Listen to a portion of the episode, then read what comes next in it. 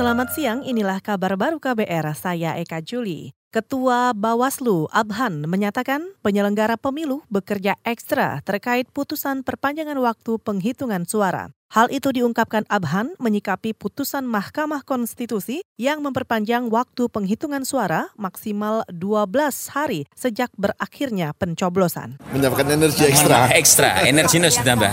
Artinya Nah, dia harus siap saat ini ada sampai perpanjangan 12 jam. Jadi bisa sampai selesai hari berikutnya jam 12 malam ya, jual 12 siang.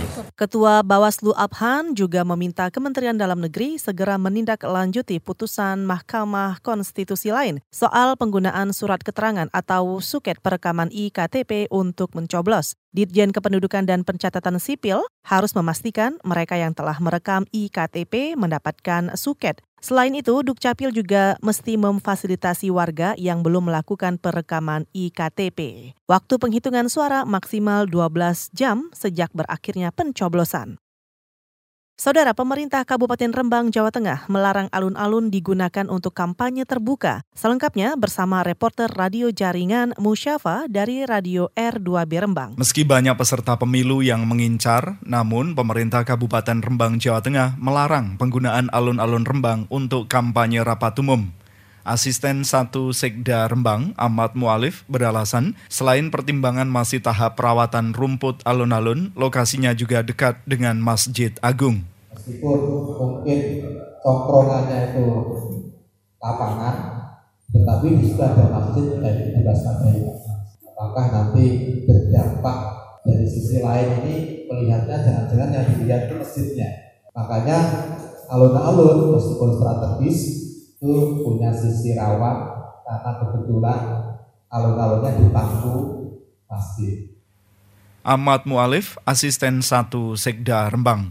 Komisi Pemilihan Umum KPU Kabupaten Rembang sudah menetapkan 90 titik lapangan yang bisa digunakan oleh peserta pemilu untuk menggelar kampanye rapat umum. Komisioner Komisi Pemilihan Umum KPU Kabupaten Rembang Zainal Abidin menjelaskan bisa saja peserta pemilu mengincar lokasi yang sama. Sudah diputuskan siapa yang lebih dulu mengantongi izin dari kepolisian, maka pihak itulah yang berhak menggunakan. Musyafa R2B Rembang melaporkan untuk KBR.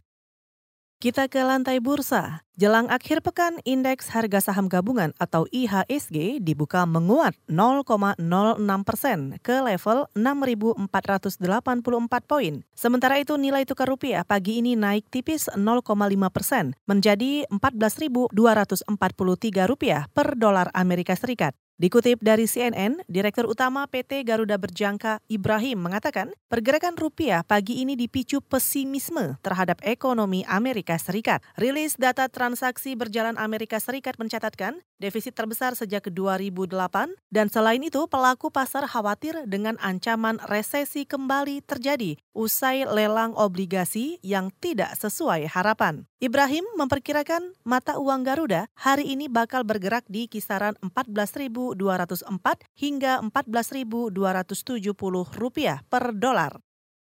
Saudara, Filipina kembali menahan Maria Ressa, jurnalis yang kerap mengkritik pemerintahan Presiden Rodrigo Duterte. Dikutip dari AFP, Reza ditahan atas tuduhan penipuan, tetapi belum ada keterangan lebih lanjut dari otoritas Filipina. Reza dikabarkan ditangkap aparat di Bandara Manila. Perwakilan Human Rights Watch Carlos Conde menilai penangkapan Reza bertujuan untuk membungkam kritik terhadap Duterte. Penahanan ini bukan pertama kali bagi Reza. Februari lalu ia ditahan atas tuduhan pencemaran nama baik. Saudara demikian kabar baru, saya Eka Juli.